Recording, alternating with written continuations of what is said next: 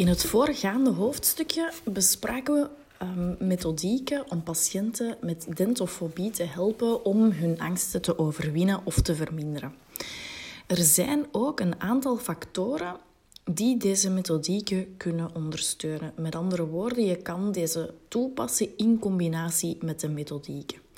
Het is aangewezen om deze toe te passen bij alle patiënten om het consult zo aangenaam mogelijk te maken en om angst of negatieve ervaringen te vermijden, moesten die er nog niet zijn. Wanneer je naar dit hoofdstuk luistert, is het ook heel belangrijk om in je achterhoofd te houden dat hetgeen wat voor jou een dagelijkse routine is, voor de patiënt eigenlijk wel een heel zeldzame situatie is met een potentiële bedreiging. Ten eerste is het aangewezen om bij alle angstige patiënten het eerste bezoek te wijden aan informatieverschaffing en te zorgen voor een geruststellende kennismaking. De tandarts of de tandartsassistent moet de patiënt stimuleren om over angstgevoelens te praten. Dit geeft een bevrijdend effect en een emotionele ontlading. Zorg er dus voor dat die eerste behandeling heel kort is en het liefst indien mogelijk zonder pijn.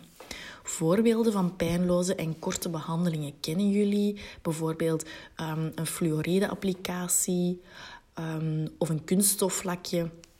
Um, het zijn korturende ingrepen waarmee men toch in de mond komt en pijn uitgesloten is. Dit eerste contact is heel belangrijk voor de vertrouwensband. Een onaangename eerste ervaring kan jammer genoeg een hypotheek leggen op verdere behandelingen. Um, ik besef heel goed dat in noodsituatie de tijd wel ontbreekt om deze vertrouwensrelatie op te bouwen. Hè? Maar hoe dan ook zijn behandelingen zoals een extractie, een ontzenuwing of de behandeling van een absces bijvoorbeeld heel slechte uitgangsposities bij angstige patiënten. Hetgeen belangrijk is om altijd rekening mee te houden, elke patiënt beschikt over een dosis angst. En in veel gevallen zal die patiënt die angst proberen te verbergen. We denken dan vooral aan gesloten of terughoudende patiënten. Die kunnen heel angstig zijn. Heel eenvoudige uitspraken um, en met andere woorden, het reflecteren van de gevoelens van de patiënt. Bijvoorbeeld, ik merk dat u er bezorgd uitziet of ik heb de indruk dat u een beetje gespannen is.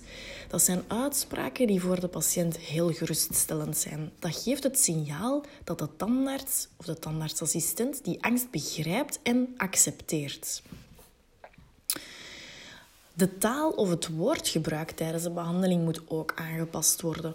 Het moet een beetje aansluiten bij de belevingswereld van de patiënt. Bepaalde begrippen zoals um, spuit en pijn kunnen heel bedreigend overkomen.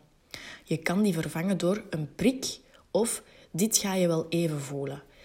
Zeg alsjeblieft nooit: het gaat niet lang duren en het gaat geen pijn doen. Met die uitspraak zal je jezelf wel in een heel moeilijk parket brengen. Je kan deze belofte gewoon niet altijd waarmaken. Goede en eerlijke informatie werkt wel geruststellend. Extra geruststellend is om eventueel een voorverdoving te geven voor de prik.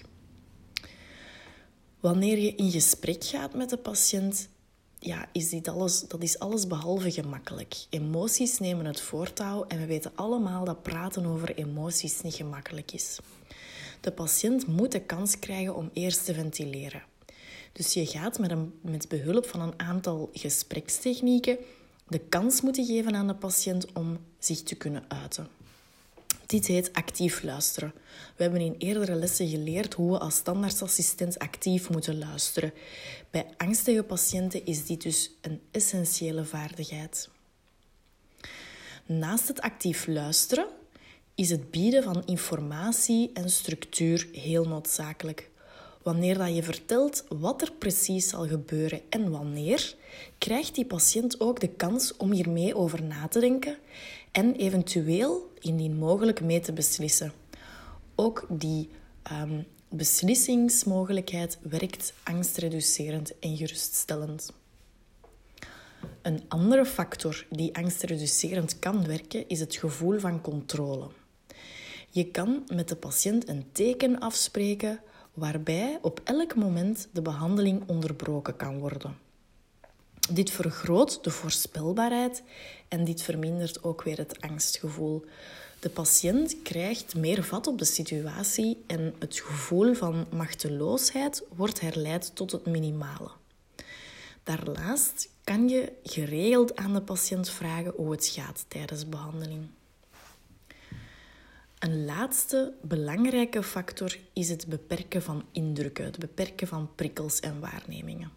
Sommige instrumenten, zoals het spiegeltje, zijn echt niet weg te denken, maar instrumenten bijvoorbeeld die nodig zijn voor extractie, die blijven liefst zoveel mogelijk uit het gezichtsveld van de bange patiënt.